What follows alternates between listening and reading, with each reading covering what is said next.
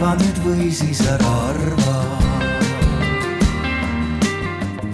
kas ma räägiks natuke sellest, mida päriselt tehakse praegu firmade poolt uh,? Meil on olemas näited, kus on tulnud välja skandaale, kus näiteks kiirmoe brändid on ütelnud, et nende riid on toodetud ümbertöödatud materjalist ja kui keegi hakkas seda uurima, siis mis tuli välja, et ümbertöödatud materjalist oli see silt, mis ütles, et seal on kasutatud ümbertöödatud materjali, ehk see väike valge silt pluusikrae peal oli ümber töödeldud, mitte midagi muud ei olnud ja kogu seda toodet müüdi kui ümber töödeldud materjalist asju. ja see on väga mainstream nii-öelda keti poolt oli tehtud. teine näide on see, et kui vaadata neid mingisugust lennufirmasid, siis nad kõik ütlevad, et me istutame kuskil kaks puud ja võib-olla kui sa ostad äh, lennupileti, sa maksad ühe euro nende keskkonnatasude jaoks, eks ju. sul tekib hea tunne, et sinu reis on väga äh,, väga roheline, aga tegelikult see ei ole. ja tegelikult väga paljud inimesed lähevad selle õnge, et kui äh, reklaamitakse väga näiteks keskkonnasõbralikku jutumärkides keskkonnasõbralikku lendamist, siis nad ei vali näiteks rongiga sõitmist, neile tundub, et tegelikult sellel lennukil on ka väga head keskkonnamõjud. päriselus see niimoodi ei ole ja inimesed teevadki selle rohepesu tõttu nagu aktiivselt loodusele kahjulikke valikuid ja selle võiks ära lõpetada äh, võimalikult kiiresti. aitäh! aitäh, Helen ja Heiki äh,. aga enne kui me läheme põhipaneeliga käima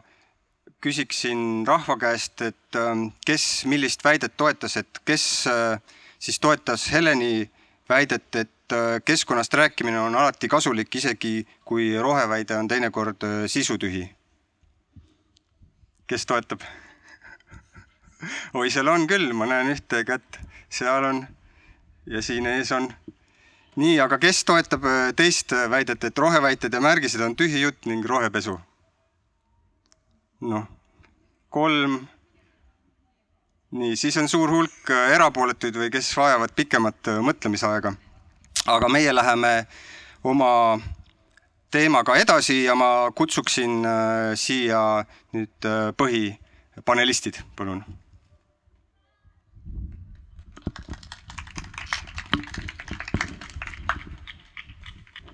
niisiis, äh, minuga arutlevad täna äh, teemal kas olla või näida keskkonnaväidete usaldusväärsusest äh, Susanna Vain, keskkonna, Sustineere keskkonnaekspert, Kerli Paas, EAS-i ja KredExi ühendasutuse projektijuht, okei okay,, nüüd lähen Andrese juurde, Andres Kangur, Thermorist aktsiaselts äh, ja turundussektor seal ning äh, Triin äh, Sakermaa, Balti Keskkonnafoorumi kommunikatsiooniekspert. nii, alustuseks ma palusin teilt mõõta oma süsiniku jalajälge ja me kasutasime selleks ÜRO kestva arengu veebisaiti ja ja mina näiteks sain oma leibkonna süsiniku jalajäljeks kakskümmend koma kaheksakümmend üheksa tonni CO kahte ja noh, see jaguneb siis kahe inimesega minu puhul ja huvitav oli kusjuures vaadata et, et viiskümmend protsenti jalajäljest tuleb toitlustusega seoses. taustaks ka, et kahe tuhande viiekümnendaks aastaks peab olema see jalajälg ühe inimese kohta kaks tonni CO2 ekvivalenti, see ei ole siis ainult CO2, vaid seal on ka muud kasvuhoonegaasid. nii, aga Triin, mis sina said?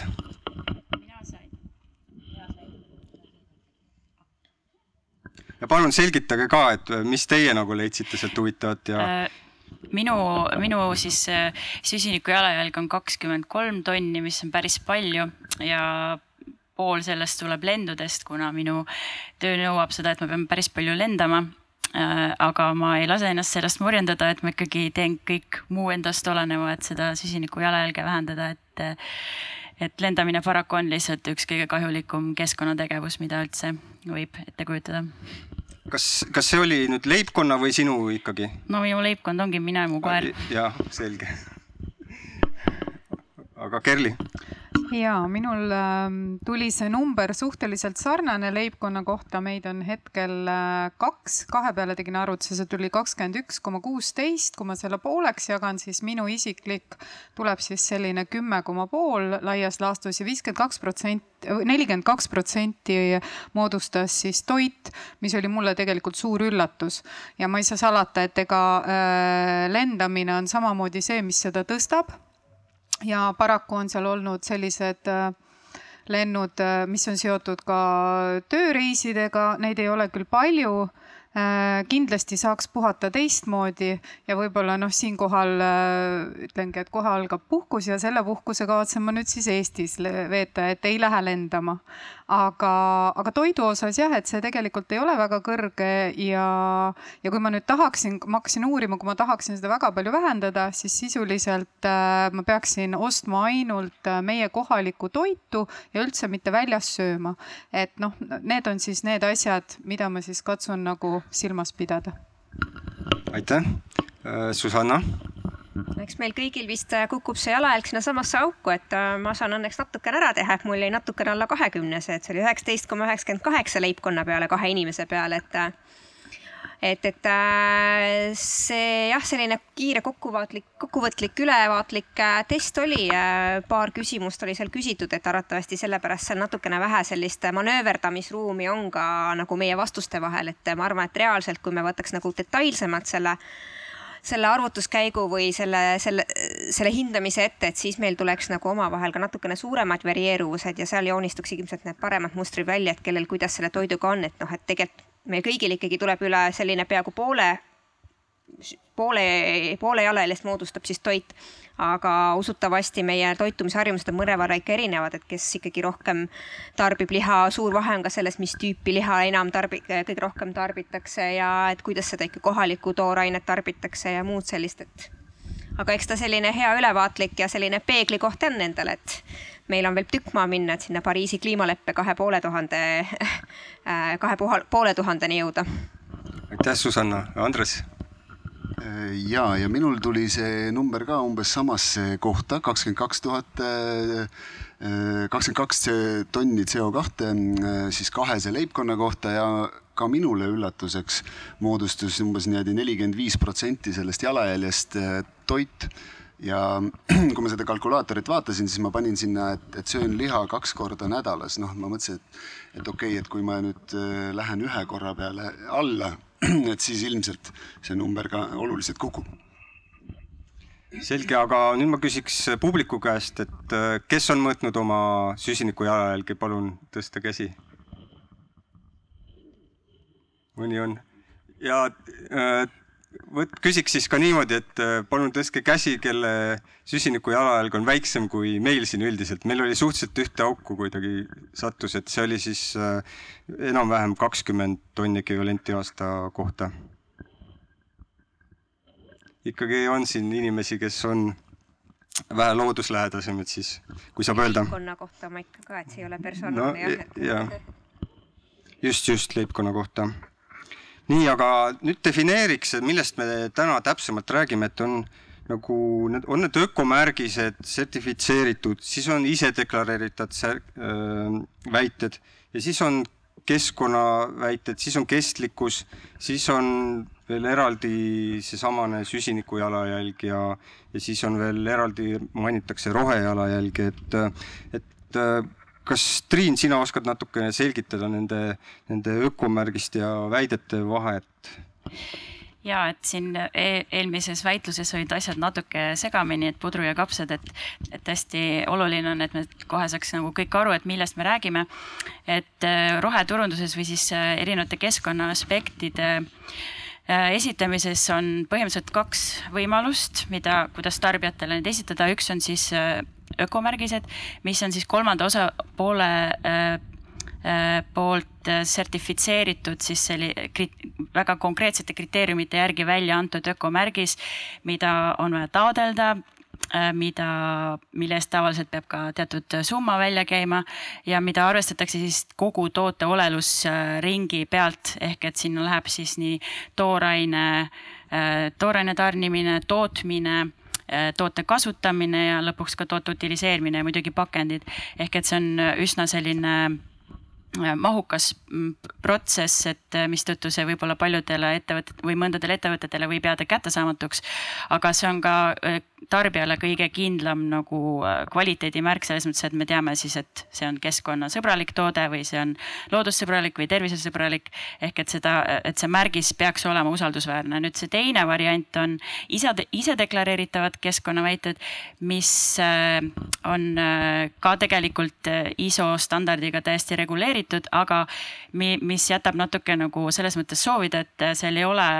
ähm, et see valik või see vabadus, kuidas neid väiteid teha, on siis nagu ettevõtte käes, et milliseid väljendeid ta kasutab, kuidas ta oma,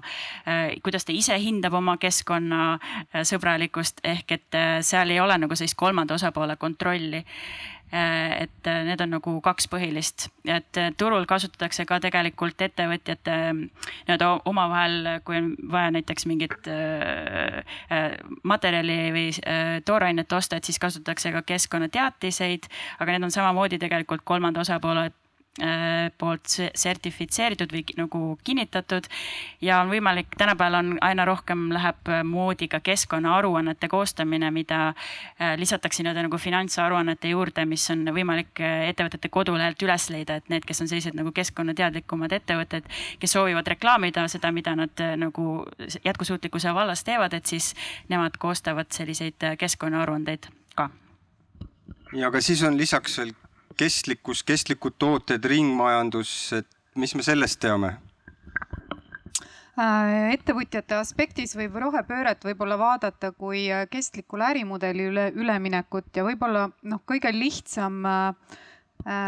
näide, niisugune hea näide on võib-olla otse turismist, et kui me võtame Green Key märgise, ilma milleta tegelikult täna ettevõtja, kui ta tahab jätkusuutlikku äri teha, siis äh, turismivaldkonnas ettevõtjal äh, oleks mõistlik täna selle green key suunas vaadata ehk siis roheline turism see on selline võib-olla näide lihtsalt, äh, kus täna hästi aktiivselt juba rahend-, rakendatakse kestlikke printsiipe. nüüd tavaettevõtluses äh, ja teistes ärimudelites on see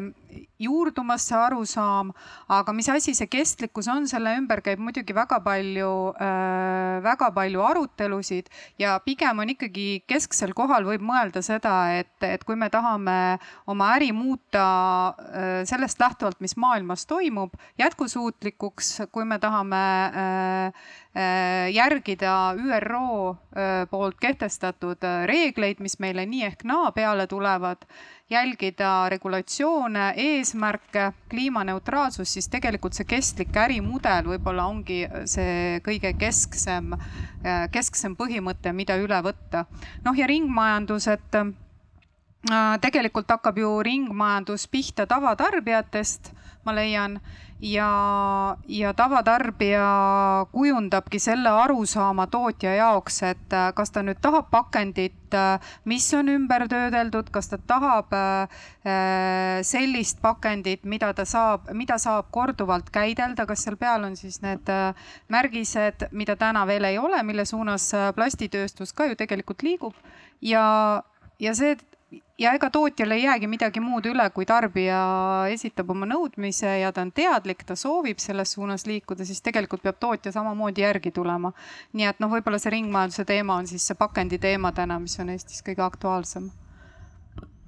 Äh, aitäh ja siis on meil seesamane süsiniku jalajälg ja, ja rohejalajälg, et mis nende sisu siis lõpuks on?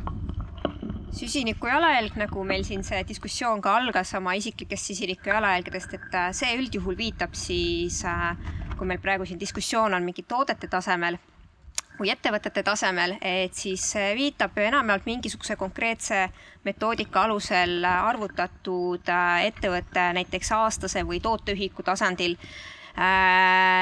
siis kasvuhoonegaaside emissioone ehk siis süsiniku jalajälg erinevalt oma nimest üldjuhul ei äh, hõlma endas ainult süsinikku, vaid ka teisi kasvuhoonegaase, aga lihtsalt kuna süsinikust või CO2-st räägitakse kõige enam, siis on ta meile kõige paremini tuttav ja siis kõik ülejäänud kasvuhoonegaasid on nagu äh, teisendatud selle CO2 keelde, et kui me teame, et CO2 kliima soojenemise potentsiaal on üks, siis näiteks, et sealt on hea juurde teisendada, et et üks metaanimolekul seega on äh, umbes kakskümmend kaheksa korda või ligemale kolmkümmend äh, korda nagu võimsam ühest CO2 molekulist ehk siis atmosfääris üks metaan oleks võrdne kahekümne kaheksa CO2 molekuliga. et see nagu täpsustus kohe ära, et, et me ei räägi tegelikult ainult siin süsinikust. aga et jah, et siis selle süsiniku jalajälje hindamiseks on olemas head metoodikad, vähemalt ettevõtete jaoks, et see, mis on äh, Äh, nii-öelda isik, eraisiku tasemel äh, süsiniku jalajälje hindamiseks sealt sellist nagu standardiseeritud lähenemist seal väga nagu ei ole.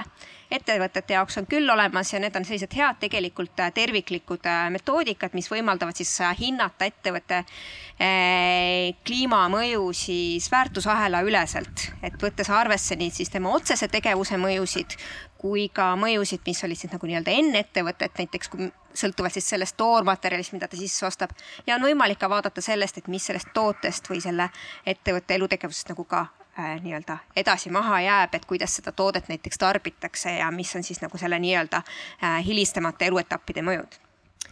seevastu aga palju räägitakse ka igasugustest muudest asjadest, nagu näiteks rohejalajäljest, mis on äh, selline natukene defineerimata termin, mis jätab siis nagu sellist hägusust. ehk siis meil on intuitiivselt mingisugune arusaam olemas, mida ta tähendab, aga samas ta võib tähendada erinevate inimeste jaoks natukene erinevat asja ja seda võib ka näiteks ettevõte, kes,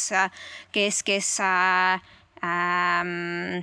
nii-öelda oma rohejalajälge on nagu kuidagi väljendanud, et see võib ka tema jaoks midagi tähendada, et see on nagu see küsimus, et kas see tähendab keskkonnasõbralikkus, kas ta on nagu loodussõbralikkus, kas see et on äh, jutuks olnud kunagi ka oli äh, see ökoloogilise jalajälje teema, kus siis nagu fookus on hoopis sellel, et äh, missugune on selle tegevuse või meie mõju siis teisendatuna siis pindalasse, sektorisse. et see võib tähendada nagu erinevaid asju, ehk siis see on natukene selline hägusam termin aitäh. loodetavasti sai natuke selgemaks, äh, natuke praktikat ka. Äh, Andres, teie tegite Termoris läbi sellise asja nagu süsiniku jalajälje auditi, et, äh, et kuidas ettevõte oma jalajälge hindab ja, ja kuidas te seate sellised eesmärgid üldse? Jaa, me, me võtsime selle süsiniku jalajälje mõõtmise e, eelmise aasta alguses ette selleks, et saada aru, kus meie lähtepunkt üldse on. me alustasime juhtkonnaga oma nii-öelda strateegia pikema perioodi strateegia väljatöötamist, kus me otsustasime üsna teadlikult, et e, jalajäljega tegelemine ja kestliku ärimudeliga tegelemine on möödapääsmatu, et meie kliendid tulevikus Äh, hakkavad seda järjest rohkem nõudma ja selleks, et äh, mit-, et, et äh, luua jätkuvalt väärtust nii firma omanikele, kuid samas ka kogukonnale ja, ja keskkonnale üldisemalt, ühiskonnale üldisemalt, siis me olime täiesti veendunud, et me peame sellega tegelema hakkama. aga selleks, et aru saada, kus me oleme, mis see alguspunkt on, me siis oma hea partneri Sustineerega siis läksimegi seda teed, et tegime sellise äh, Äh, analüüsi ära. Ja selle analüüsi tulemusena me siis kaardistasime kõik oma Eesti tootmised. Termori grupis on kokku üksteist tootmisettevõtet Eestis, äh, Soomes, äh, Lätis. Ja me anname tööd üle kaheksasajale inimesele, nii et oleme üsna siis noh, nii-öelda võib öelda keskmise suurusega või suurem ettevõte. Kaardistasime esmalt oma Eesti tehaste jalajäljed. Äh, ja sealt selgus äh, põhimõtteliselt tõsiasi, et umbes kaheksakümmend protsenti meie jalajäljest koosneb energeetikast, energiast, mida me tarbime ja transpordist. ehk siis suhteliselt vähe ja väike osa jalajäljest oli nii-öelda inimeste liikumine tööle, lennud välismaale, kontori äh, nii-öelda jäätmekäitlus ja nii edasi, et Äh, me loomulikult võtsime ka need teemad lauale ja, ja, ja viisime kõikides tootmisüksustes ja kontorites sisse projektid, mis tegelevad siis meie enda olmejäätmetega, see on nagu loomulik osa siis sellest ettevõtmisest. Aga, aga selle strateegia tulemusena me siis liitusime ka Rohetiigri initsiatiiviga ja käisime läbi, oleme selle asutajaliikmed ja käisime läbi sel aastal siis Rohetiigri Akadeemia teise lennu, mis tegelikult andis meile väljaspoolt head sisendit ja, ja, ja sellisele nii juhtkonnale kui ka laiemale tiimile, kes eh, nende projektidega tegeles, siis eh, sisustas ära selle strateegia ja me selle tulemusena siis valisimegi energeetika, targa tootmise ja ringmajanduse selliseks kolmeks põhiliseks strateegiliseks suunaks. ja tänaseks on meil siis eh, valmis siis selline noh, ütleme kolmeaastane teekaart kus on circa nelikümmend initsiatiivi, mida veavad erinevad inimesed ja mida me siis üritame järk-järguliselt siis, siis ellu viia. ja, ja kui siin selle diskussiooni nii-öelda pealkiri on kas olla või näida, siis me oleme valinud kindlalt selle olla tee. just sellepärast, et, et me ei taha nii-öelda kleepida külge endale mingeid märke ja, ja, ja kõlavaid loosungeid, pigem tegeleme väärtuspõhiselt ja, ja see läheb korda meie inimestele, meie omanikele ja, ja meie klientidele. nii et me oleme, ma võin sellest pikemalt rääkida, nendest initsiatiividest, aga see on olnud meie tee.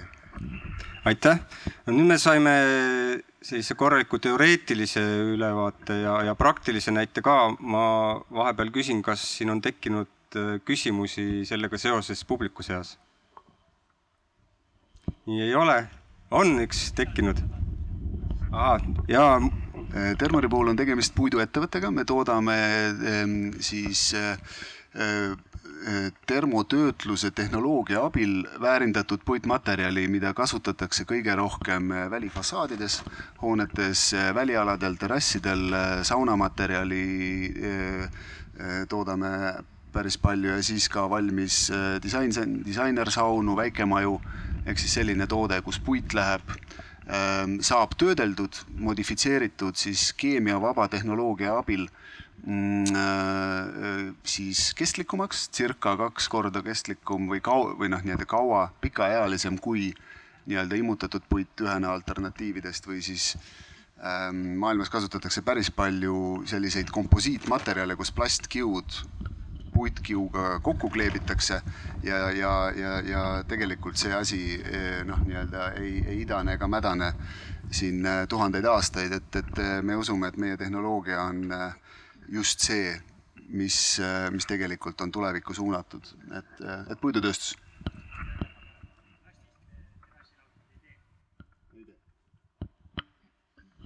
aitäh, Andres. nii, aga, aga kuidas, vaatame nüüd üldisemat pilti, et kuidas kasutatakse väiteid, et üks või teine toode on öko ja, või kliimasõbralik, et ma saan aru, väikestel ettevõtetel on äh, üsna raske selles orienteeruda ja, ja kuidas siis noh, peaks toimima ja kuidas ei tohiks toimida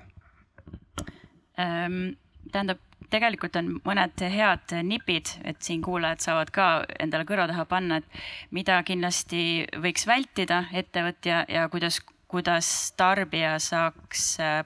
siis tarbida niimoodi, et ei lähe nagu õnge nende nii-öelda äh, noh, mitte valede, aga võib-olla mitte päris äh, täpsete keskkonnaväidete,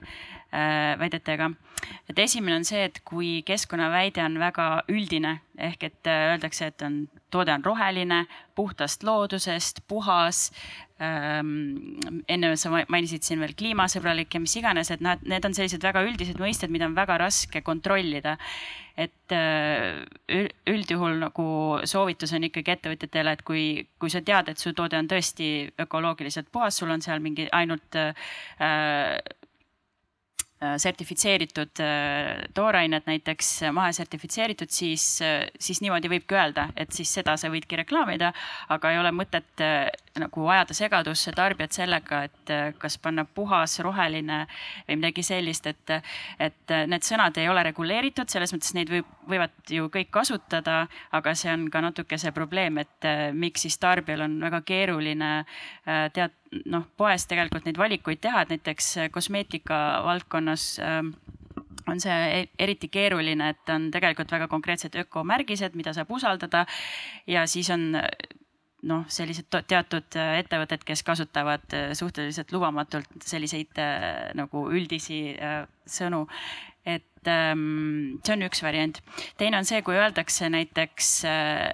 öeldakse, et me oleme keskkonnasõbralik ettevõte, aga keskendutakse ainult ühele aspektile tootmises, näiteks äh, pakendamisele või siis äh, to, to, tooraine kogumisele või mis iganes, et, et üldjuhul ikkagi, kui, kui ettevõte seda väidet kasutab, et on keskkonnasõbralik või kliimasõbralik, et siis see peaks kehtima kogu siis selle toote olelusringi ringi osas, et mitte ainult äh, kas üks või teine või kolmas.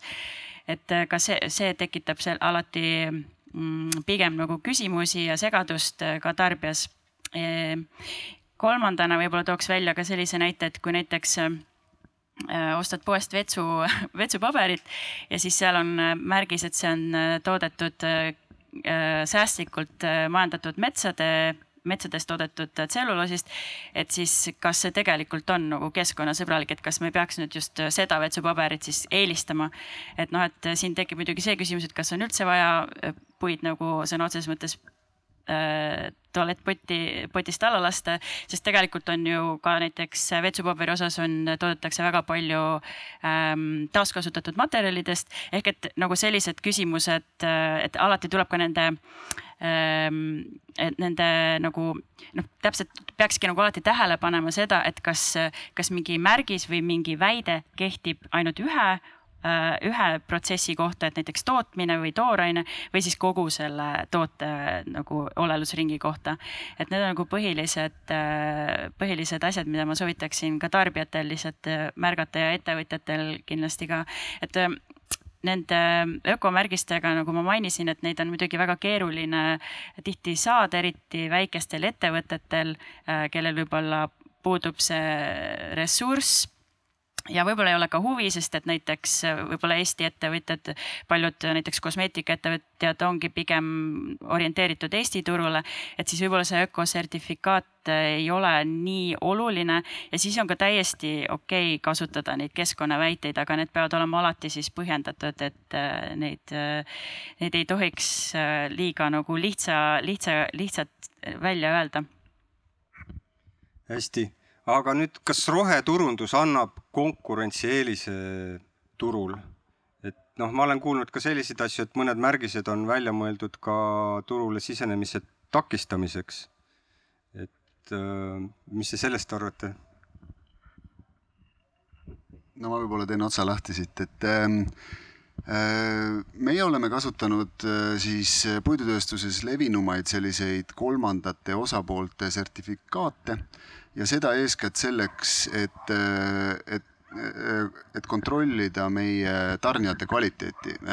kas, milliseid noh, nii-öelda metsamajanduse praktikaid nad kasutavad. Ja see on selline hea hügieenifaktor äh, hanketingimustes, kus me näeme, et, et me töötame just nende õigete ja, ja kvaliteetsete partneritega. seda ühelt poolt, kas nüüd meil on jäänud midagi müümata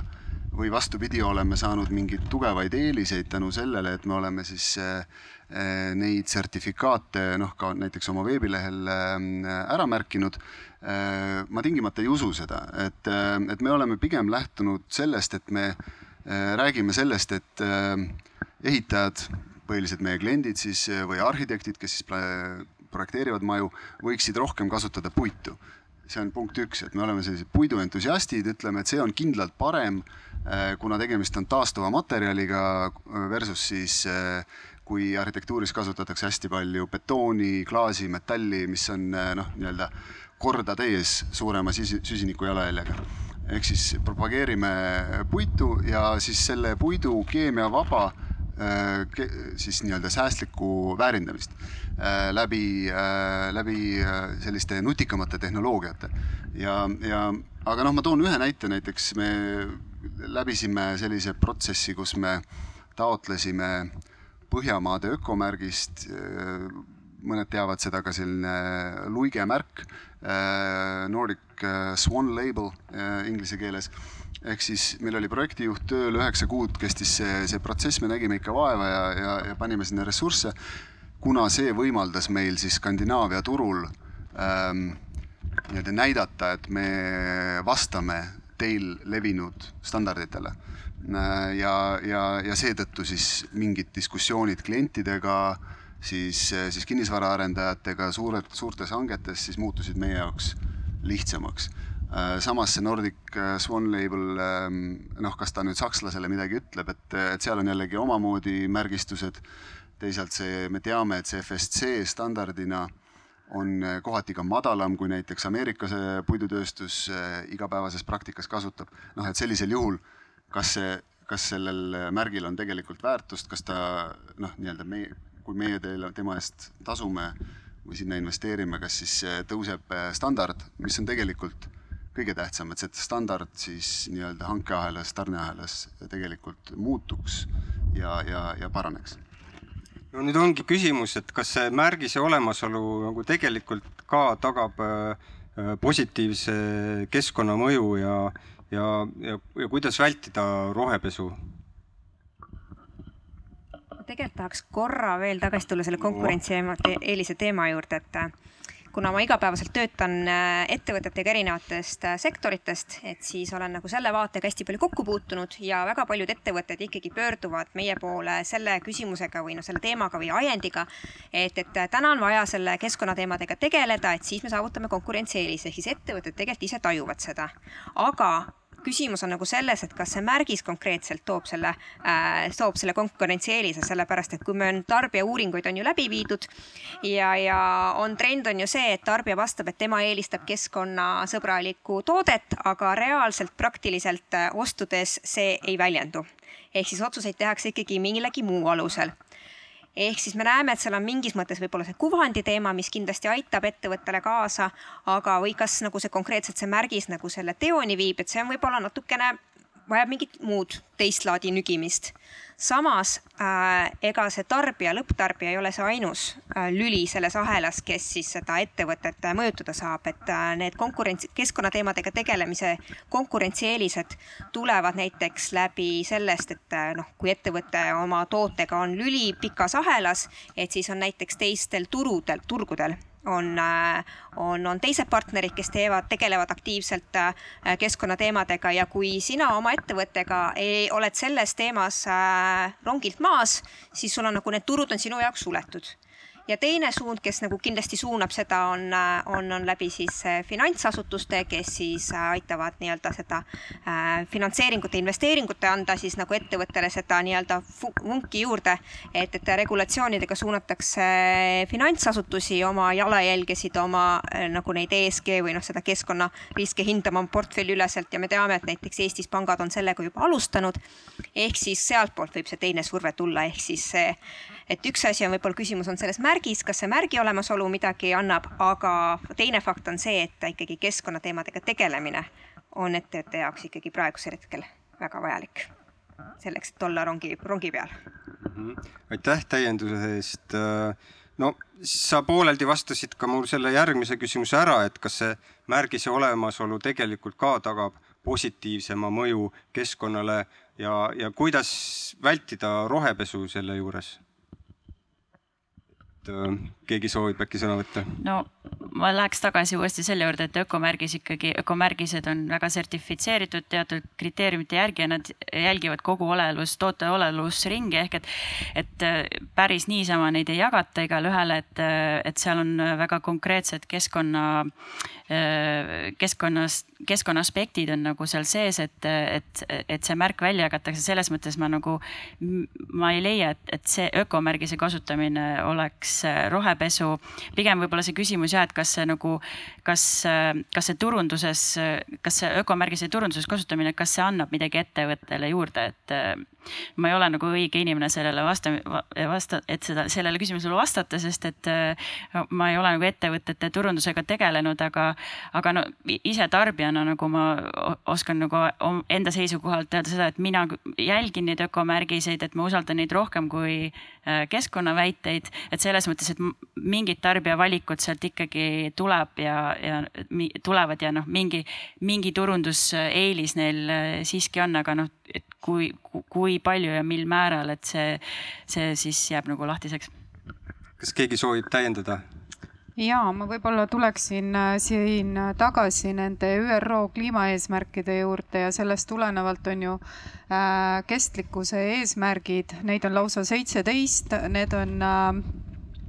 kõik avalikult äh, nähtavad kõigile, nende sisu samamoodi ettevõtjad täna väga äh, tootmisettevõtted, kellel on äh, kes ei tegutse ainult kohalikul turul, kellel on äh, laienemine kas pooleli või äh, juba ammu hoos välisturgudel, siis tegelikult nad väga täpselt teavad, millistele eesmärkidele nad vastama peavad. väga tihti suurkorporatsioonid Euroopas, kellega koostööd tehakse, seal juba järgitakse seda, et millised kliimaeesmärgid on meie Euroopa partneritel või potentsiaalsetel klientidel ja sul ei olegi tegelikult muud teed, kui ise ise täpselt samamoodi järgida neid samu eesmärke ja, ja võib-olla see märgis täna enam nii palju midagi ei annagi, sest tegelikult on väga palju organisatsioone, kes annavad välja äh, selliseid nii-öelda nagu tunnustusi ja sertifikaate, kõik need, mis on keskkonnaalased teemad, on seal äh, ÜRO äh, märgib ära ettevõtteid,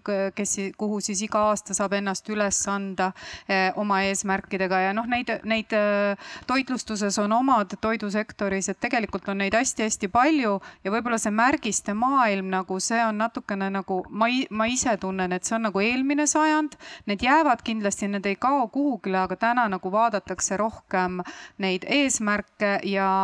ja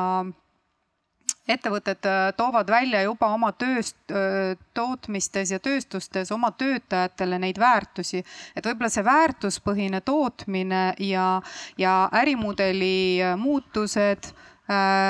ringsus ringdisain ärimudelis ja tootmises, et kõik need teemad on nagu see tuleviku teema ja kui neid kajastatakse oma kodulehel, need on nähtavad nii klientidele, partneritele ja neid auditeeritakse, mis on ju ka täna tegelikult väga tavapärane, et kliendid enam niisama lihtsalt noh, neid väiteid niisama suurkorporatsioonid ju ei usu, vaid tegelikult on äh, rahvusvahelised auditeerimisbürood äh, ja audiitorid, kes käivad ja külastavad. nii et ma ütleks, et, et võib-olla märgised ei ole jah, see teema, mis meil väga nii tuleviku teema on, vaid pigem see, et kas sa, kas sa vastad nendele väärtustele, mis sa oled äh, välja ütelnud ja kas audiitor saab tõendada, et jah, see nii on ja sind saab võtta kui usaldusväärset partnerit, kes tõesti kliimaeesmärkide nimel tööd teeb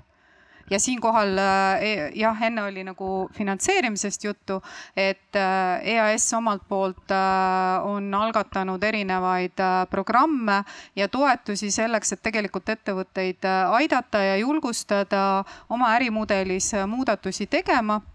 ja ringsemalt mõtlema, sest võib-olla just seal kuskil tegelikult ei olegi vaja ühes või teises tsüklis konkreetselt äh, teha muudatust, vaid alguses vaadata seda laiemat pilti, et mis minu ja vaadata ettevõttesse sisse, et mis, millised protsessid tegelikult mul üleüldse võiksid ringsemad olla. Ja siinkohal ka on äh, erinevad programmid ja mentorid, kes aitavad ja, ja samamoodi ka eksperdid kes tegelikult, keda Eestis täna on juba ja kes aitavad ettevõtetel tuvastada neid kohti. on veel seisukohti, täiendusi? ma võib-olla eh, lisaks siia väärtuste teema juurde, et, eh, et ma olen täiesti nõus, et see ongi see õige, õige lähenemine. Eh, mitte kasutada selliseid märgiseid ja kleebiseid ja proovida seda siis kuidagi turunduslikult enda kasuks pöörata, vaid tegelikult sisuliselt tegeleda ettevõtte äh, Äh, väärtustega, sest lõppkokkuvõttes see äh, nii-öelda annab efekti läbi oma partnerite ühelt poolt, klientide ja teisalt ka töötajate, et me oleme ettevõttes defineerinud neli väärtust, tulevikku vaatav, nutikad lahendused, parem keskkond ja inimlik side. Äh, ja see on selline holistiline väärtuste pakett, kus me ütleme, et me hoolime keskkonnast ja teeme selleks äh, äh, tegevusi. ja tegelikult me oleme näinud, et kui inimesed tulevad meile tööintervjuule, siis nad on seda juba meie veebist lugenud, nad on seda meie sotskanalites märganud ja tegelikult äh, me koondamegi enda ümber sarnaselt mõtlevaid rohelist maailmavaadet evivaid äh, ja, ja tulevikku vaatavaid äh, inimesi. ja, ja, ja teisalt ka kliendid on meile seda tagasisidet andnud, et tegelikult me näeme, et te teete õiget asja ja meile see meeldib. ehk siis see on üks viis, kuidas investeerida oma, oma brändi, oma väärtuspakkumisse ja seeläbi noh, nii-öelda ka kasvatada või olla, olla väärt seda, mida me usume, et meie toode väärt on. ehk siis see on palju parem tee, võib-olla pikem põhjalikum, aga kindlasti, kindlasti parem, parem tee meie arvates. aitäh, Susanna, soovid öelda midagi, jah? jah, soovin küll. et, et ähm, vahet pole, kas me räägime märgistest või me räägime sellest väärtuspõhisest lähenemisest, et see taandub ikkagi selleni, et, et see ettevõte kuidagi oma neid tegevusi soovib kommunikeerida, soovib reklaamida, mida ta teeb ja vaat seal on ka, mis on siit läbi käinud, et see on see koht, et vahet pole, kas see on sertifitseeritud märgis või mingi ise deklareeritud väide, et väitma või nagu seda öelda, tuleb välja seda, mida tegelikult saab öelda. et, et kui, äh, et see on see kõige olulisem asi, et kui, kui, kui midagi väita, siis see peab olema sellist, mida sa saad ka tõendada. et, et kui ettevõte näiteks oma tootmise viib üle taastuvenergiale, siis ta saab seda öelda, et näiteks, et tema toode on sada protsenti taastuvenergiast toodetud. ta ei saa öelda, et tema toode on nüüd kliimasõbralik, sest et meil on defineerimata, mis asi on kliimasõbralikkus või kus läheb see kliima mittesõbralikkuse piir. Et see on nüüd see oluline asi ja see on ka, mis on vaja nagu natukene tarbija südamele panna, et siis usaldada seda, mida saab tõendada no võib-olla lisan siia näiteks, et, et sellesama süsiniku auditi tulemusena me nägime, et energeetika on oluline osa meie jalajäljest ja me põhimõtteliselt üsna kiiresti läksime kogu kõikide Eesti tehastega üle siis taastuvenergiast taast-, taastuvatest allikatest tuleva elektrienergia peale. ehk siis see vähendas kohe ühe, ühe sellise tugeva sammuna meie äh, süsiniku jalajälge, aga me ei hakanud sellest nagu tingimata nüüd kõvasti hõiskama, et, et, et, et meie jalajälg on nüüd kolmandiku võrra kukkunud. Ehm, kuna see oli selline, kuidas öeldakse, madalal rippuv õun või siis nagu low hanging fruit. et, et jah, tegime ära, see oli selline kiire asi, mida sai teha ja tegelikult me keskendumegi asjadele, mis on meie noh, nii-öelda vahetus mõjusfääris, sest noh, näiteks transport jah, me toome puitu sisse ja viime konteineritega kaupa välja üle maailma umbes kuutekümnesse riiki. et, et seal me sõltume kõvasti siis nende transpordiettevõtete, konteinervedajate siis nagu süsiniku jalajäljes, seda on võib-olla meie jaoks raskem muuta, me saame seda mõjutada, aga, aga otseselt nii-öelda täna muuta ei saa. Ja siis me võtsime juhtkonnaga teadlikult vastu otsuse, et me tegeleme asjadega, mis on nii-öelda kolme kuni viie aasta perspektiivis, ehk siis nende inimeste äh, vastutada ja muuta, kes täna laua taga on. et mitte ei hakanud rääkima, et me oleme siis kliimaneutraalsed aastal kakskümmend kolmkümmend viis, noh, tõenäoliselt ühtegi sama juhtkonna liiget äh, laua taga sel ajal enam ei ole. aitäh, Triin, palun. ja ma tahtsin kommenteerida, et äh, et, et hästi huvitav, et meil on siin paneelis üks selline ettevõtja, kes ei taha üldse rääkida või nagu ei taha väljapoole turundada, kui hästi ta midagi, kui nagu, äh, kui noh, tugevalt tegelikult teie ettevõte liigub selles suunas, et muutuda kliimaneutraalseks või vähemalt kuidagi kliimasõbralikumaks jutumärkides. et sellel on tegelikult ka oma termin, et see on rohepunastamine, green blushing. et äh, noh, tegelikult kui me räägime väärtustest, et väärtused on nii lai mõiste, äh, et muidugi need väärtused on ju kõige alus, et, et ükski ettevõte, ma arvan, tänapäeval enam ei, ei tee neid keskkonnateadlikke otsuseid või, või paranda oma tootmisprotsesse, ei muuda neid keskkonnasõbralikumaks sellepärast, et nad tahaksid mingit märgist saada või midagi sellist, et seal lõpuks on ikkagi taga on raha ja ressursid ja, ja, ja, ja ka tegelikult tarbijate ootus, et selles mõttes muidugi need väärtused on noh, kõige alus, aga et kui me räägime eh, ikkagi sellest, et kuidas tarbijatele märku anda, et näiteks see ettevõte on näiteks parem selles valdkonnas, et võib-olla eelistaks näiteks seda ettevõtet, et järgmine kord, kui ma ehitan terrassi, et siis ma tean nagu, millise ettevõtte poole pöörduda või noh, et ma teen sel valiku siis selle alusel, et kõik inimesed ei tee, aga mõned inimesed teevad, et, et äh, hästi oluline on tegelikult ikkagi kommunikeerida ka nagu neid positiivseid asju, et selle, sellepärast võib-olla see ökomärgis on nagu see kõige lihtsam. aga tõesti, et, äh, et kui on mingid auditid, mingid aruanded, fotod on ju, äh, keegi kolmas ettevõte ettevõte on midagi positiivset öelnud, et see kõik on ju, kuulub tegelikult sinna roheturunduse alla, et ja see kõik saab olla siis seal kodulehel nagu üleval, et tarbija saab seda vaadata või kasvõi mingisuguses reklaamis mingi lausega, et, et ei maksa nagu seda alahinnata, et või kuidagi ennast nagu, ah, et mis nüüd meie ja et me nii vähe teeme, et tegelikult see on hästi lahe, et nii vingelt ette võtsite. aitäh, aga siis on olemas selline asi nagu offsetting või süsiniku kompenseerimine. no ma toon ühe näite, võib-olla kõige lihtsam näide, mis äh, igasse inimesse võib-olla mingil määral puutunud on, et kui te lendate kuhugi lennukiga, siis äh, mõned lennufirmad pakuvad teie selle reisi nii-öelda äh, heitmete neutraliseerimist ja saate selle eest siis osta noh, näiteks noh, kõige lihtsam näide vihmametsa istutamist kuhugi Amazonasesse või äh, või siis äh, Aafrikasse. ja, ja tegelikult ma küsikski publiku käest, et kas keegi on sellist äh, võimalust äh, üldse reaalsuses kasutanud? no paistab, ei ole, aga, aga mida paneel arvab sellisest võimalusest? mitte ainult, mitte ainult siis me ei räägi nüüd äh, sellest lendamisest, vaid see, see tegelikult äh, noh, kehtib ka paljudele sisuliselt kõikidele võib-olla tegevusvaldkondadele, kus ettevõtted on soovinud väita siis midagi näiteks kliimaneutraalsuks, kliimaneutraalsust teatud ajaks või, või midagi, midagi veel ma hästi kiirelt kommenteerin, et see on siis jälle see hea näide sellest, et kuidas üritatakse äh, näidata, et tehakse midagi ühes valdkonnas, et tegelikult noh, et see süsinik nagu see heide on ju ainult üks äh, osa kogu sellest, miks näiteks lendamine on kahjulik, et see kust need kütused tulevad, on ju, kõik lennukite tootmine, äh, kõik see, et noh, et, et see on jälle ainult üks osa sellest, et niimoodi neid arvutusi teha on juba selline suhteliselt noh, et ta, ütleme nii, et ta ei ole kõige, minu hinnangul nagu see kõige, kõige parem variant, pluss lisaks küsimus tekib, et, et kus täpselt need metsad istutatakse, kes neid noh, et kas need nagu jäävad sinna või, või, või need umbes kuivavad seal ära või no mis iganes, et, et tegelikult tekib hästi palju küsimusi minul kui tarbijal, et, et igasugune keskkonnasõbralik tegevus on muidugi alati tervitatav, aga, aga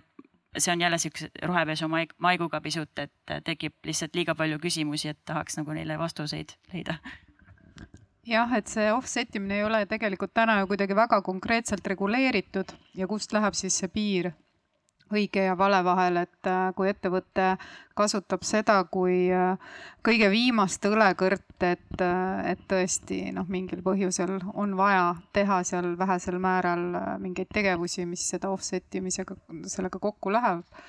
jah, aga esmalt tuleks nagu vaadata, et kuidas seda offset imist vältida ja, ja seniks, kuni ei ole väga konkreetselt reguleeritud, mis asi see on ja, ja kuskilt äh, andmebaasist on siis väga konkreetselt võimalik näha ja jälgida, mis saab sellest minu panusest sinna offset imisse ja kuidas ma päriselt siis maailma aitasin, et seda täna seda sellisel kujul ei ole.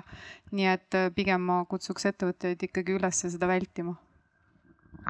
ma tahaks siia juurde lisada, et ähm, tegelikult oma olemuselt ju offset ei ole midagi halba, et ta jääb, peab jääma ettevõttele selle viimaseks õlekõrreks, et äh, halb on see. kadus vist äh, heli ära või, või on olemas? oli vabandust. et, et äh, halvaks teeb offset imise see, kuidas seda kasutatakse, ehk siis kui äh, offset imise kriitikana on kasutatud seda, et seda saab äh, käsitleda kui license to pollute või luba saastada, ehk siis ettevõte ei pea oma tegevuses mitte midagi muutma ja ta saab öelda, et ta on kliimaneutraalne ja paberil öeldes tegelikult noh, saab jah öelda. aga, aga oma olemuselt noh, et mis sest, neid offset'i projekte praegu sajab nagu, tuleb nagu seeni pärast vihma, eks ole, et neid on igasuguseid, neid on juba igast, igast erinevatest valdkondadest ja, ja igasugustele projektidele tegelikult pannakse offset'i nimi külge, aga on äh, välja töötatud ka sellised nii-öelda kriteeriumid, mida siis üks hea kvaliteetne offset'i projekt peaks siis omama. ja, ja no neid kriteeriume oli seal selline kümmekond, aga vast nagu üks kõige olulisemat nendest on siis see, et see peab olema tegevus, mida ilma selle offset'i ostmise või selle investeeringuta ei toimuks, ehk siis ta peab olema midagi täiendavat. Ehk siis noh, näiteks kui raiejärgselt äh, metsaseadus ütleb, et on vaja siis äh, metsa on vaja nagu uuesti istutada ja see on seaduses kirjas, siis seda me ei saa offset'ina lugeda, sellepärast et see peaks toimuma niikuinii, sest seadus kohustab. küll aga on offset imine mingi tegevus, mida muidu ei ole kohustatud kuidagi tegema, aga, aga siis nii-öelda see, see ost, selle ostmine või see investeering siis selleni viib. ehk siis ta tegelikult ju oma olemuselt seega ju offset viib meid mingisuguste lisategevusteni, mida muidu ei toimuks. Et, et noh, väga palju on nagu kõige rohkem vist offset imist on ikkagi selle metsa istutamise teemal, aga tegelikult see ei pea ainult sellega piirduma, et neid offset'i projekte võib olla erinevaid, neid võib olla alates sellest, et investeeritakse kuidagi, et üleüldse mingisuguseid emissioone välditakse. tegelikult offset'i projekt võib olla näiteks märgalade taastamine, et see, et me räägime sellest väga niimoodi puude istutamise keskselt, et see ei pea tegelikult nii olema ja ma võib-olla täiendan siis meie poolt, äh, meie otsustasime seda mitte teha ja, ja täiesti teadlikult, kuigi see oli meil noh, nii-öelda optsioonina laual olemas, et äh, me teadsime, kui, milline on meie süsiniku jalajälg ja teadsime üsna konkreetselt, äh, kui palju raha noh, nii-öelda peaks investeerima selleks, et see offset imine toimuks, mille tulemusena me saaks siis väita, et me oleme ettevõttena nüüd süsinikneutraalsed. Aga me nägime selles just sellist kahtlast teed, et, et, et ühelt poolt see on nagu noh, ma olen täitsa veendunud, et see on või noh, see on minu, minu seisukoht, et, et see on selline natukene nagu indulgentsi ostmine, et sa teed endale justkui nagu pai ja, ja, ja, ja, ja siis saad midagi väita, aga tegelikult, kas sa oled midagi muutnud? Ja, ja siin ma arvan, siis see ökosüsteem noh, nii-öelda areneb edasi, et kui ma olen nõus, et kui just tekivad sellised väga head konkreetsed võimalused luua uut väärtust, et siis seeläbi siis see oleks nagu ettevõttele huvitav kuhu, mille peale mõelda, millele, millesse panustada, aga seni me eelistasime nii-öelda teha oma strateegia, panna paika suunad, valida välja ja teekaart paika ja hakata siis liikuma. Ja, ja, ja pigem teha seda, kui et, kui et offset ida. Aga ma mõtlen, et ikkagi noh, neid firmasid on, kes seda kasutavad ja mõned võib-olla täitsa kuidas nüüd öelda, võib-olla agress-, agressiivselt, et väites lausa, et,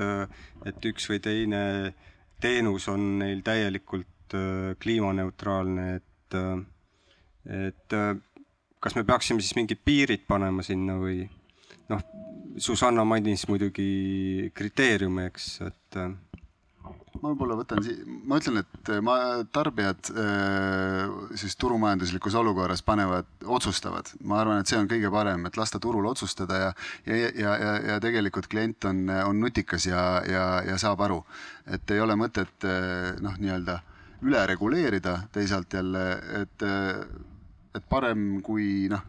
ma olen ka näinud siin selliseid väiteid, et vot meie iga pakk, mis meiega liigub, on kliimaneutraalne noh, kas ma nüüd hakkan seda ettevõtet eelistama selle väite põhjal, äh, vaevalt. mul on siia ju üks näide juurde tuua, et näide Rootsist, kes on nagu meist siis nendel äh, keskkonna ja kliimateemadel paar sammu eespool, sealhulgas ka tarbija oma teadlikkuselt, et Rootsi suur äh, piimatootja Arla siis on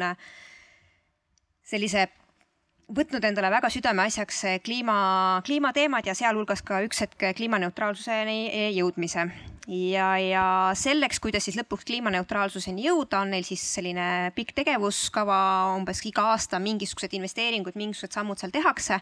aga muuhulgas siis kõige esimese sammuna siis tehti juba see ära, et kliimaneutraalsus saavutati kohe algaastal ehk siis offset iti see. Ehk siis iga aastaga peaks siis see offset itav osa äh, vähenema tänu sellele, et tegelikult ka päriselt välditakse neid emissioone, aga, aga nii-öelda mindi kohe alguses seda offset imise teed ja, ja kuna just tegemist oli nagu piimaga, millest on nagu hästi palju räägitud, et veised, et sealt tuleb kõhust tuleb metaani ja et need on hästi sellised kliimavaenulikud tegelased. et siis see oli tarbijal oli hästi see peas ja kui oli äh, pandud kokku piim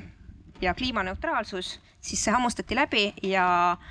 möödunud aastal vist siis, oli möödunud, möödunud aasta või sel aastal, ma isegi täpselt enam ei mäleta, mis aastanumbrist seda jäi, igatahes siis Rootsis anti siis äh, nii-öelda tarbija hinnangu või noh, siis sai sellise äh, tarbija eksitamise auhinna siis see Arla see kliimaneutraalne piim.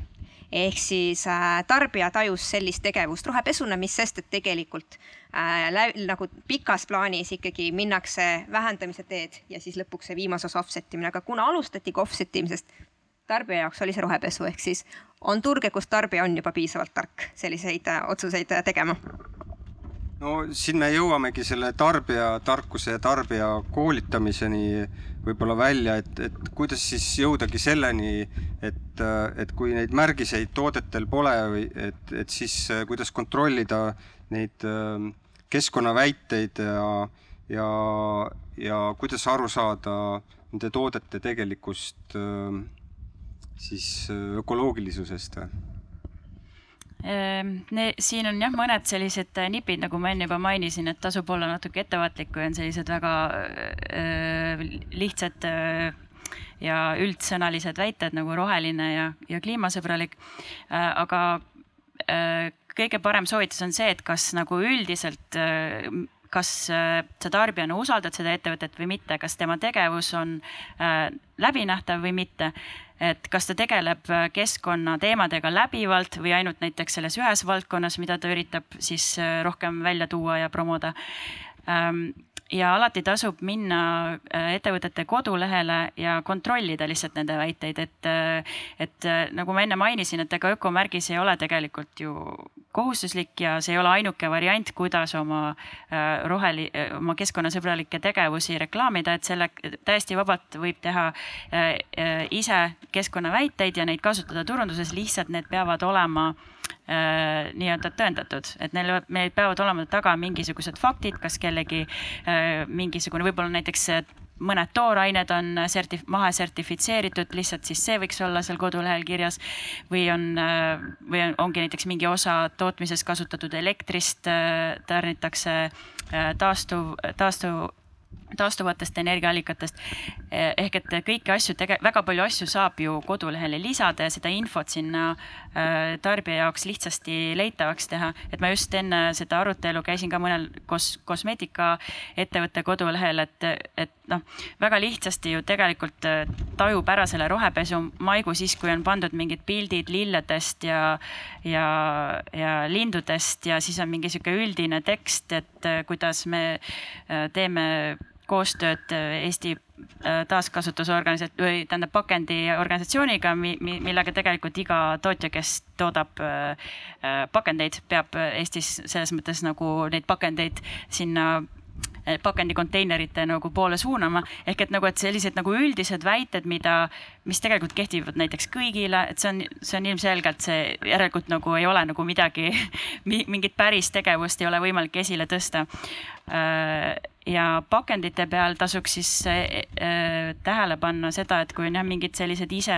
ise loodud äh, ökomärgised, et äh, mingid liblikad või jänkud, et neid äh, ehk siis julmusevaba äh, märke on tegelikult päris palju, mis on päriselt ka sertifitseeritud, aga sellised üldjängu pildid, et äh, neid võib, nendesse tasub ka natukene ettevaatlikult suhtuda, et, et tead, kõik liblikad, linnud ja, ja e, rohulibled pakendil ei tähenda ilmselg-, ilm, alati, et, et see on roheline, aga jälle, et ma toon nagu näite, et, et vaatasin ka ühte Eesti väiketootjat, kes toodab kosmeetikat, et äh, nendel on ka kasutatud selliseid nagu a la iStockist võetud äh, märke, et et nad on julmusevabad ja vegan ja, ja mahe ja siis mul tekkis kohe küsimus, et kas see on rohepesu, ma läksin nende kodulehele ja, ja seal nad nagu seletavad siis, et, et noh, et kuidas see tootmine käib, mis see protsess on, et neil ei ole, neil on nagu äh, osad, e-, enamik toorainest on neil sertifitseeritud, aga nad ei ole seda noh, tervele tootele seda sertifikaati saanud. ehk et jälle nagu, et sa võid seda firmat usaldada, sest ta seletab nagu väga selgelt lahti kodulehel, eh, kuidas see toode siis täpselt sealt eh, nagu tootmise eh, tehasest väljub et äh, tasub lihtsalt olla hästi ise tähelepanelik ja nagu huvi tunda nende teemade vastu, samas selge on ka see, et iga päev poes käies me ei jõua kõiki neid otsuseid äh, noh, kogu aeg teha, et sa ostad võib-olla mingi kolmkümmend erinevat toodet ja, ja iga, iga toote pakendit siis jälgida, et eks see, see on keeruline, sellepärast need ökomärgised ongi tehtud, et oleks lihtne kotti visata ja sa tead, et sa võid neid usaldada. aga jah, et kui on nagu kui on jah, mingid ettevõtted juba, mida me kõik teame, et kellel on kalduvus rohepesule, et siis tasub lihtsalt selles osas äh, ettevaatlik olla ma võib-olla kommenteeriksin juurde, et äh, sinu äh,, et sa juhtisid tähelepanu koduleheküljele, siis äh, mina külastades siin viimasel ajal päris palju tootmisettevõtteid, puutusin kokku sellega, kui ma nende kodulehte külastasin, siis väga paljud panevad kodulehele, ma räägin siis suurettevõtetest ja keskmise suurusega ettevõtetest kes on siis äh, tänu Sustineerele suuresti omad äh, jalajälge mõõtnud ja väga paljudel esilehel jookseb online'is juba CO2 number ja ta, kui seda siis mõni hetk vaadata, siis see number tegelikult kogu aeg äh, reaalajas muutub, ehk siis seda reaalajas mõõdetakse. mis tähendab seda, et ettevõtted on selle teema tõsiselt ette võtnud ja see number ei ole, selle taga ei ole lihtsalt mingi programm, mis neid numbreid sinna niisama paneb, vaid selle taga on reaalne tulem, mida siis tegelikult tootmine kogu aeg online'is, äh, tootmise tulemusena siis kogu aeg online'is äh, äh, monitooritakse. ja seda on tore näha, et ettevõtted seda ei hoia enda teada, vaid nad panevad selle kodulehele. Ja teine asi, et pannakse ka pakenditele, on juba täna tootjad, kes panevad pakendile, et vot selle tootega me säästsime nii ja nii palju CO2 jah seda reaalajas tootmine, seda reaalajas, reaalajas süsinikujalajälje hindamise numbrit vist veel meie kapsaaeda ei saa panna, et me tegeleme küll, aitame ettevõtteid selles, aga sellise lahenduseni vist meie ei ole jõudnud paraku. no siis on võib-olla nad ise jõudnud selleni, aga ma tean, et nad on äh, teie kaudu tegelikult jõudnud selle arusaamiseni, et äh, see on oluline seda kogu aeg teada. mitte see, noh, mida sa teed selle numbriga, sa ei oska selle numbriga midagi peale hakata, kui sa ei oska seda millegi vastu võrrelda. ehk siis sa pead teadma, mis see number sul oli eile ja mis ta võiks olla sul homme. selle jaoks korjataksegi igapäevaselt seda infot ja miks siis seda enda teada hoida, kui seda saab tegelikult kodulehel üles panna.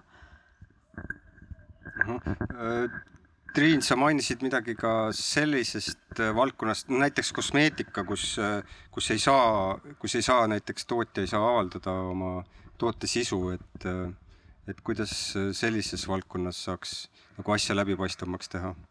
no kosmeetika valdkonnas tegelikult äh, seaduse järgi nad peavad avaldama toote sisu, et on kemikaalid äh, erinevad ehituses näiteks. Äh, et jah, et nende, nende sisu või sisaldus on tõesti, on nii-öelda nagu kait-, noh siis kaitse all, aga aga see noh, vot see ongi keeruline, et see ongi jälle see, et, et ettevõtja siis saab saab e e oma kodulehel või ka tootel välja tuua, et mida ta siis on teinud, et, et see toode oleks keskkonnasõbralikum, et näiteks noh, kemikaalide puhul on see, et nad üldjuhul on seal on niikuinii keskkonnamärgised peal, et kas see on mingi näiteks söövitav või ohtlik hingamisteedel või mis iganes, aga, aga vahel näiteks ongi, et on muudetud mingit äh, Äh, vahetatud mingi aine välja ja siis, ja siis kemikaal on muutunud nagu tervisesõbralikumaks natukene, on ju, et noh, et, et alati on mingisuguseid tegevusi, mida ettevõte saab välja tuua, et noh, et on valdkondi ju, kus ei saagi olla võib-olla lõpuni tervisesõbralik ja keskkonnasõbralik, et noh, kliimaneutraalsus on nagu teine teema, et aga et, äh, aga alati on midagi, mida saab välja tuua, et selles mõttes seal see läbinähtavus, ma lihtsalt äh, nagu arvangi, et see on nagu ikkagi selle ettevõtja enda käes ja seda turunduses nagu julgelt siis nagu välja käia, et mis, mis tegevusi on ellu viidud selleks, et see toode või see ettevõte oleks noh, kestlikum.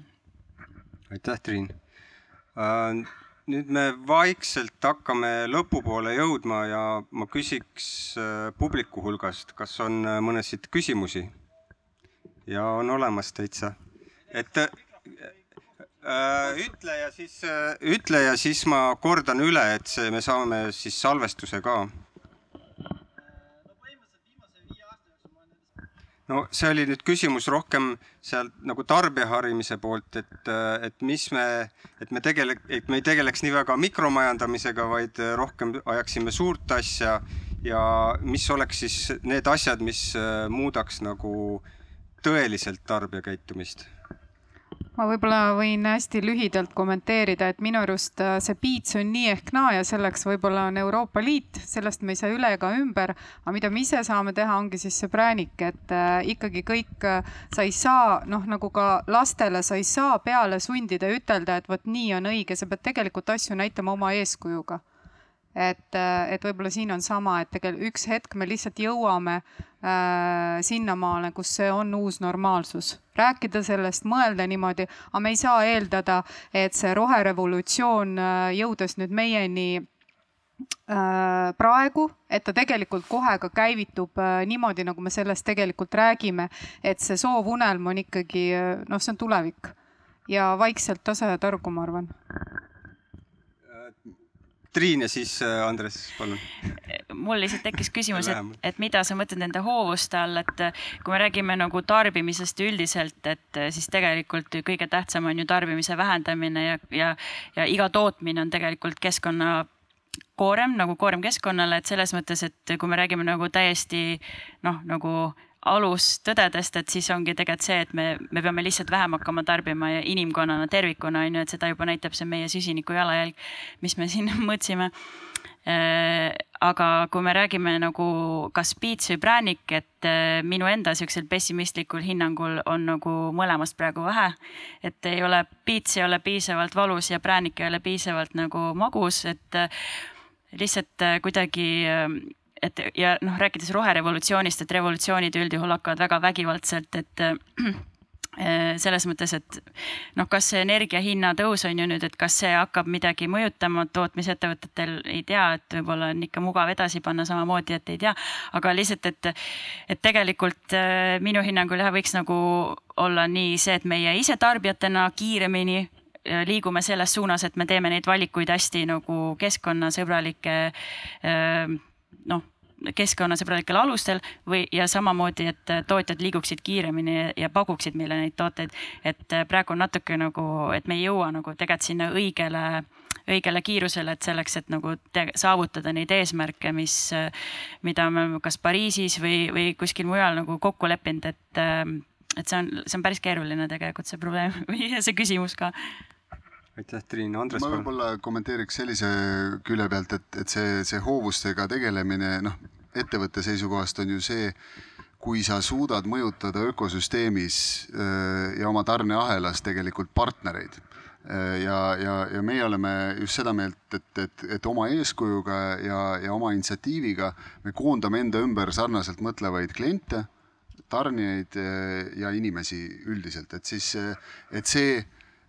kuidagi on meie puhul mõjunud, on see siis, äh, kuna meie toode on lihtsasti arusaadav, et keemiavabalt töödeldud puit, äh, et ainult temperatuur ja veeaur ja sa saad sellise vinge toote, et ei pea keemiasse uputama, ei pea troopilist metsa maha võtma, ei pea plastikuga kokku panema. ehk siis see on nagu selline suhteliselt lihtne kontseptsioon, mida müüa, aga teisalt me oleme alati rõhutanud, et et ka noh, kui me suhtleme arhitektidega või, või, või projekteerijate või disaineritega, et, et kasutage puitu rohkem, kasutage sellist puitu rohkem, sest see on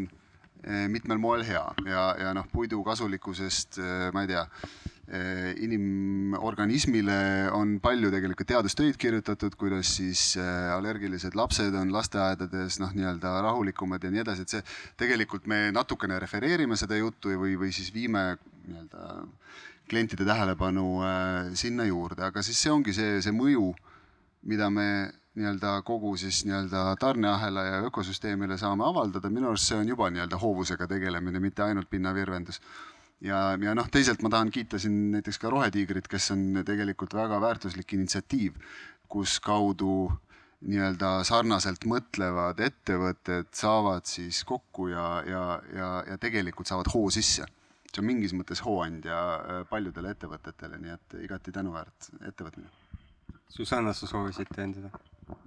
ja ma tahtsin äh, korra veel kord välja tuua, et mis ma alguse poole ka mainisin seda, et äh, tarbija küsitluste kohaselt kõik eelistaksid keskkonnasõbralikke asju, aga reaalselt nagu praktikasse see ei jõua, ehk siis kui me jätaksime kogu selle vastutuse tarbija õlule, siis see siis see muutus toimuks lihtsalt nagu sellise tempoga, mida me tegelikult endale lubada ei saa, ehk siis sealt kusagilt kõrgemalt on vaja ikkagi seda mingit tugevat, seda piitsalööki ja tegelikkuses me oleme ka praegu hetkel veel selles seisukorra, seisukohas, et, et see tarbija saab selle piitsa, sellepärast et tema peab selle keskkonnasõbraliku, sel-, sellist toodetud, mida meil on tegelikult nagu võib-olla globaalselt ja maakera seisundi tõttu nagu kõige enam vaja tarbida, et ta peab selle eest ka rohkem maksma. ehk siis, kui tuleb tal selline äh, kõrge inflatsiooniga koht, kus tal hakkab nii-öelda ellujäämise küsimus mängima, siis see keskkonnateema kaob tal veel ka sinna taha kuklasse ära, ehk siis mina arvan seda, et kõrgemalt on seda piitsahoopi vaja. aitäh. nüüd ma näen, et publiku ees on veel üks käsi, palun küsige ja ja et kuidas siis äh, suhtute sellesse, et omavalitsused või riigiasutused äh, eelistavad äh, keskkonnasõbralikke siis asutusi, teenuseid, ma saan aru, siis rohkem nagu hangetel ja sellised asjad, jah?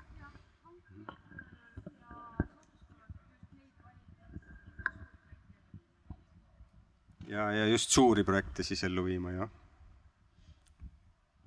aitäh Äh,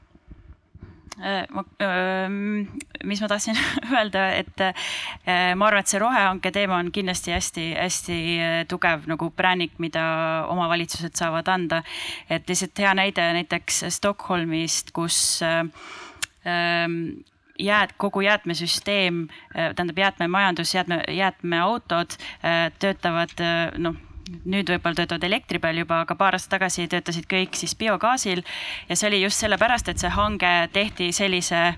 nagu äh, kriteeriumi alusel. et, et ja see lükkas siis või tõukas nagu paljusid ettevõtteid sinna suunas liikuma ja oma, oma siis nagu seda kogu süsteemi ümber ehitama niimoodi, et ka nemad saaksid mingites hangetes siis võita. et selles mõttes, et see kindlasti mõjutab äh, teatud ettevõtteid äh, mingitele keskkonna sõbralikemale otsustele, et ma arvan, et see on üks hea viis, kuidas kuidas seda nagu kiiresti edasi liigutada, pluss et need rohehanked võiksid olla nagu veel noh, nagu roh-, rohkem ikkagi nõuda ettevõtetelt, et ma arvan, et ettevõtjad on nii nutikad ja neid lahendusi on juba nii palju, et tegelikult võib nagu